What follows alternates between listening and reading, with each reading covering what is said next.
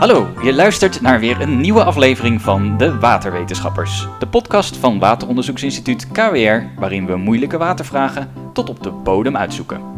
Ik ben Tim. En ik ben Els. En in deze aflevering stellen wij Thomas Terlaak, onderzoeker chemische waterkwaliteit, de vraag: Wat vind je allemaal als je gaat speuren in afvalwater? Welkom Thomas. Hallo, leuk dat ik uh, hier mag uh, spreken met jullie. Laten we bij het begin beginnen. Want waar speur jij eigenlijk naar in ons afvalwater? Waar, waar ik speur, waar de monsters worden genomen bedoel je? Of? Nou, eigenlijk meer... Wat voor soort dingen Wat zoek je? Wat ja, zoek je? ja, wat ik zoek, of wat eigenlijk mijn collega's zoeken. Wij, wij kijken bijvoorbeeld naar uh, afval van drugs. Dat betekent dus drugs wat door de mensen wordt gebruikt en uitgeplast. En op die manier kunnen we zien hoeveel een populatie, dus een groep mensen aangesloten op een bepaalde zuivering gebruikt. Daarnaast kijken we ook naar allerlei stoffen die worden gebruikt bij de productie van illegale drugs, zodat we ook kunnen zien in welke regio er bijvoorbeeld productie plaatsvindt. Maar je kan eigenlijk nog veel meer zien in dat afvalwater. Dat is eigenlijk wel leuk, want ja, het afvalwater is eigenlijk een soort chemische spiegel van wat alles wat wij doen en laten als mens.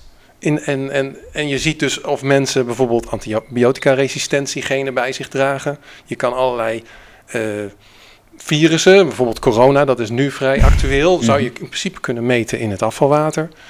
Je kan eigenlijk naar allerlei dingen kijken. Ja.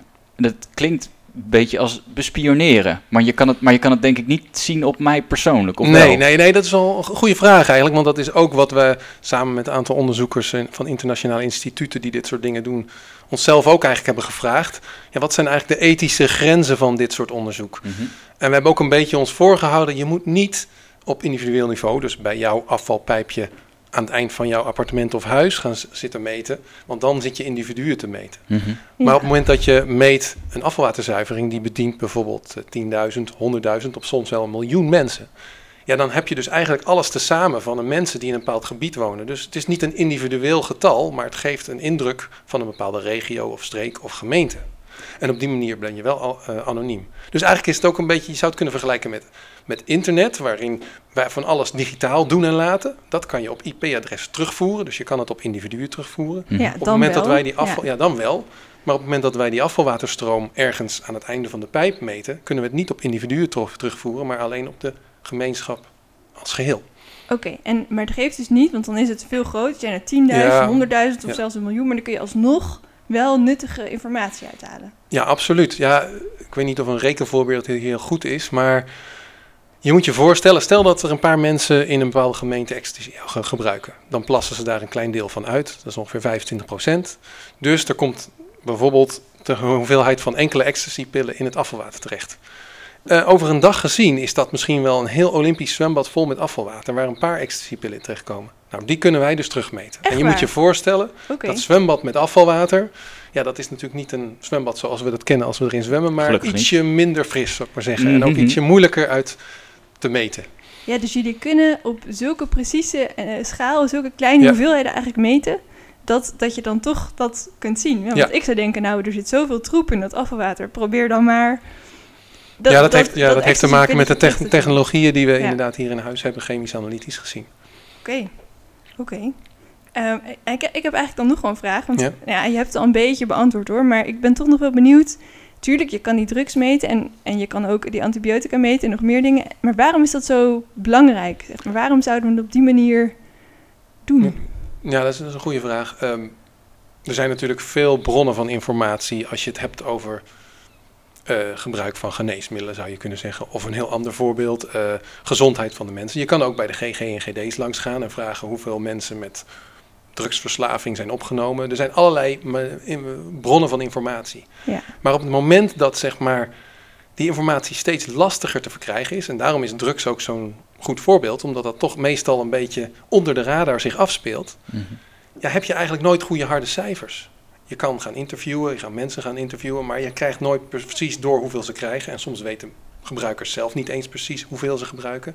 En op die manier heb je toch zeg maar, harde data van een bepaald gebied. Ja, ja. Dus in die zin, eh, op het moment dat de ge- gegevens heel makkelijk voorhanden zijn, ander soort gegevens, dan kan je zeggen, ja, dan is het speuren in afvalwater niet zo zinvol, omdat je ook gewoon een database kan raadplegen bijvoorbeeld de database waarin staat hoeveel van een bepaald geneesmiddel wordt gebruikt in een bepaalde regio met een bepaalde postcode. Ja, dan kan je hooguit toetsen in hoeverre die mensen ook daadwerkelijk hun geneesmiddelen innemen. Want het is alleen de verkoop die natuurlijk wordt geadministreerd. Ja. Ja. Maar verder, ja, dan is de toegevoegde waarde minder groot dan als iets geheel onder de radar gebeurt. Ja. Of lastig te meten is überhaupt. En heb je, dus je hebt net twee voorbeelden gegeven. Is er nog iets waarvan je denkt, ja, die hoort er eigenlijk ook wel bij? Dus de, de, de antibiotica en, en de drugs. Kan ik me inderdaad van voorstellen. Ehm, nou ja, je kan nog? ook, over, als je het hebt over allerlei gebruik van allerlei stoffen die door industrieën bijvoorbeeld op gebied van, eh, ja, die, die, die willen dat misschien niet zo gauw delen omdat dat eh, concurrentie gevoelig zou, is. gevoelig zou kunnen zijn. En, Ja. en dat zou je op die manier ook kunnen terugvinden. Dus bijvoorbeeld wat voor soort schoonmaakmiddelen gebruiken wij en wat voor biociden zitten daarin. Kijk, als die biociden Wat is een biocide? een, oh, een goede vraag. Dat is een stof die werkt tegen allerlei levende organismen. Dus als je bijvoorbeeld je tafel of je wc wil ontsmetten, bijvoorbeeld, eh, Ja. dan gebruik je dat. Ehm, ja, het kan zijn dat eh, op basis van concurrentiegegevens een bepaalde fabrikant niet zo gauw wil toegeven hoeveel kilo's die overal verkoopt. En dan op die manier zou je dat toch regionaal kunnen terugvinden. Oké. Ja. En, en een andere vraag die in mij opkomt nu. Is dit, is dit ook toegestaan om dit te doen? Dat is een hele goede vraag. Nou, eh, ja, dat is toegestaan. Eh, in feite, op het moment dat het afvalwater jouw huisje verlaat, dan is het van het waterschap. En zolang het waterschap toestemming geeft om te meten, kunnen wij legaal daarin meten. En nu hebben wij onszelf daarom, dat zei, begon ik net al even over, vanuit ethisch oogpunt vinden we het onethisch om dan bij iedereen Mhm. individueel voor de deur, ja het is ook praktisch onhaalbaar natuurlijk, maar eh, bij iedereen voor de deur te gaan meten. Maar zolang we het hebben over een redelijk grote groep mensen, laten we zeggen orde grootte 10.000, ja dan vinden we het anoniem genoeg Mhm. en daar Ja. meten we dan. En dan zeggen we dus niet iets over jou individueel of jou individueel. We zeggen iets over iedereen die in deze regio woont, heeft dat en dat gedrag. En dat, je kan je natuurlijk ook afvragen, maar wie wacht nou eigenlijk op die informatie? Dus ik stel zelf even de vraag. Ja, ja, ja, ja. Nou, dat is wel grappig, want eh, die discussie hebben we wel regelmatig, omdat we soms bijvoorbeeld voor gemeenten meten. Want aan de ene kant zijn er mensen die wachten op die informatie, omdat ze zeggen, ja, we willen graag, als het gebied, op het gebied van drugs dan, hè, ja, we willen beleid toetsen. We weten niet of het werkt, of we willen überhaupt weten wat het gebruik is van verschillende soorten drugs. Want soms wordt er gezegd dat er bijvoorbeeld in een bepaalde regio veel cocaïne wordt gebruikt. En dan gaan wij meten en dan blijkt er veel meer amfetamine te worden gebruikt. Dus waar hebben we het eigenlijk over? En dan vervolgens zou je ook kunnen zeggen, als je dan na een aantal jaren weer eens een keer meet en er zijn allerlei beleidsmaatregelen geweest. De jongerenwerkers hebben met jongeren gewerkt die verslavingsproblemen hadden of de dealers zijn aangepakt. Heeft dat dan ook een verandering teweeggebracht? Dat Mooi, is dan, eh, ja. ja. dus dan dien je daarmee denk ik ook de maatschappij en zo'n gemeente. Ja.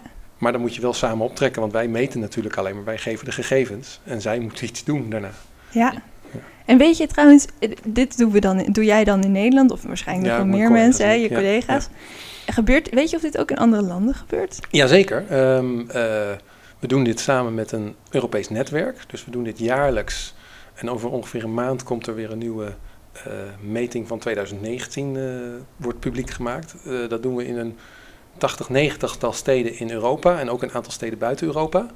En er zijn ook een aantal landen die dit zelfs op nog grotere schaal doen, zoals Australië en Finland. Die, en Nieuw-Zeeland ook geloof ik, die meten tot meer dan de helft van alle inwoners, het afvalwater van alle inwoners dan, Ja. wordt eens per jaar of misschien iets minder vaak, dat weet ik niet precies de frequentie, wordt dat gemeten daar. Dus dan heb je nog beter overzicht. In Nederland op dit moment meten we het structureel in drie grote steden. Dat is eh, Amsterdam, Utrecht en Eindhoven. En Eindhoven is eigenlijk niet alleen Eindhoven stad, maar ook de regio. En verder doen we het ja, meer ad hoc in een heleboel gemeenten. Kan je, kan je iets, iets vertellen over hoe je dat dan meet? Want ja, kijk, het water komt binnen bij het, Ja. het afvalwaterzuiveringsstation. Nou, tot zover begrijp ik het, Ja, zeg maar. En dan? En dan, dus het komt binnen, het is nog niet gezuiverd. Eh, ja, er zit wel een zeef voor om de, om de grote stukken er zeg maar uit te vissen, want die gaan niet in de potjes, zullen we maar zeggen. Daar zit dan vervolgens een eh, soort automatische pomp. En die automatische pomp zorgt ervoor dat gedurende een etmaal, 24 uur, er continu een klein beetje wordt gesampled. Want je kan je je voorstellen dat eigenlijk per uur van de dag de samenstelling van het afvalwater verschilt. S Ja. ochtends gaan meer mensen naar de douche. Ja. Eh, S smiddags zitten ze allerlei werkzaamheden te doen, waardoor ze misschien weer ander soort watergebruik En hebben. s'avonds zal het weer heel anders Ja, zijn. en s'avonds zal het weer heel anders zijn. En in het weekend begint de ochtend wat later, de flow van de, van de Ja. douche, zeg maar. Dus je moet eigenlijk dat hele, die hele 24 uur te pakken zien te krijgen en wel representatief. Dus je hebt eigenlijk allemaal kleine sampletjes die samen die 24 uur maken. Dat doen we vervolgens voor een hele week, minimaal een hele week lang, omdat inderdaad het weekend en de week ook Anders heel ander zijn. verdrag, Ja. gedrag van mensen kan veroorzaken en daarmee ook andere emissies van bijvoorbeeld drugs. Ja. En dat, die dagmonsters van één week, die meten we dan vervolgens allemaal door naar de, ja, dan moeten we eerst nog wat eh, opschoonstappen doen eh, om filtreren en et cetera. En dan meten we naar de, ja, de specifieke massa's van die stofjes die we willen meten. Dat zijn ofwel de drugs zelf, ofwel omzettingsproducten van die drugs. Want ons lichaam zet vaak stoffen om in andere stoffen. En dat is natuurlijk een veel betere marker. Want op het moment dat jij cocaïne morst in het toilet, dan meet ik cocaïne in het afvalwater, maar je hebt het niet gebruikt. Nee. Hm. Op het moment dat jij het snuift en vervolgens eh, de metaboliet uitplast, weet ik zeker dat, jij het ook, dat het ook aan het lichaam is gepasseerd. Dus dat is een betere marker dan de moederstof. Dus we me- meten in dat geval dus ook benzoyl-econine. En dat is een omzettingsproduct wat in een menselijk lichaam wordt gegenereerd. Dus jij Precies. kan het verschil zien tussen of het wel of niet gebruikt is. Klopt. Ja. Ja. je kan inderdaad dus zien of het daadwerkelijk. Dat ik, helemaal in het begin vertelde ik iets over productieafval. Mhm. Ja, daar zitten natuurlijk allerlei productiestoffen in, eh, grondstoffen. Maar ook vaak de drugs zelf, omdat het niet perfect wordt gescheiden. Niet alle drugs die worden geproduceerd worden daadwerkelijk uiteindelijk eh, komen terecht zeg maar, op de markt. Een deel wordt tijdens het productieproces gaat verloren. Ja. En ik kan dus zien of het wel of niet eh, door een mens is gegaan op die manier. Nou geldt voor cocaïne is het een beetje lastiger natuurlijk, want het wordt elders geproduceerd. Mhm. En dat komt hier binnen en dan wordt hier Ja, vaak dan ja. weer uit allerlei materialen teruggewonnen of gewassen. Dus dan zou je bij die wasserijen weer bepaalde residuen krijgen. Maar als je het hebt over ehm, eh, MDMA, dat is de stof die in ecstasy-pillen zit, of over amfetamine. En recent ook, eh, zien we ook metamfetamine eh, productie, resten soms. Eh, dan kun je dus zien dat die stoffen, amfetamine is overigens speed in de volksmond, Hm. dat, dat, dat je, dat, dan kan je daarbij dus inderdaad het onderscheid maken tussen wel of niet gebruikt. En dat is ook belangrijk, want als wij willen meten hoeveel een bepaalde gemeente of omgeving gebruikt, moeten we wel zeker weten dat het ook daadwerkelijk gebruik is. En niet dat iemand ergens een, in zijn schuur illegaal iets aan het produceren is en wij vervolgens zeggen dat in dat dorp elke, iedereen drie pillen ecstasy heeft genomen afgelopen week. Want dat is Ja. dan waarschijnlijk niet het geval. Mhm. Oké. Ik heb nogal een vraag, want ik ben ook benieuwd. Je hebt het nu specifiek over drugs, hè, maar we hebben het Ja. ook over andere stoffen gehad. En wat hoop je met dit onderzoek te bereiken? Wat is je, ja, Nou, ik, ik denk dat, hiermee? dat we afvalwater als bron van informatie in het algemeen voor alles wat we doen en laten, gezondheidsgerelateerd, ook eh, gedragsgerelateerd, daar kan je heel veel van zien. Je kan ook stresshormonen bijvoorbeeld zien. Dus je kan ook stressniveaus van, van, van gebieden verschillen zien. Ik denk dat die, die bron van informatie, ja, daar, daar wordt nog onvoldoende uit getapt. En volgens mij kunnen we daar ontzettend veel van leren. En als we dat combineren met allerlei andere interessante statistische gegevens die er aanwezig zijn. En socio- CBS-gegevens en zo. ja, CBS, ja, socio-economische, sociaal eh, gedragsgegevens. Ja, dan kunnen we leer, meer leren van onze maatschappij als geheel. En Hm. misschien ook daardoor betere handvatten hebben om vervolgens daar iets mee te doen. En dat kan de problematiek zijn van drugsverslaving, maar het kan ook iets heel anders zijn.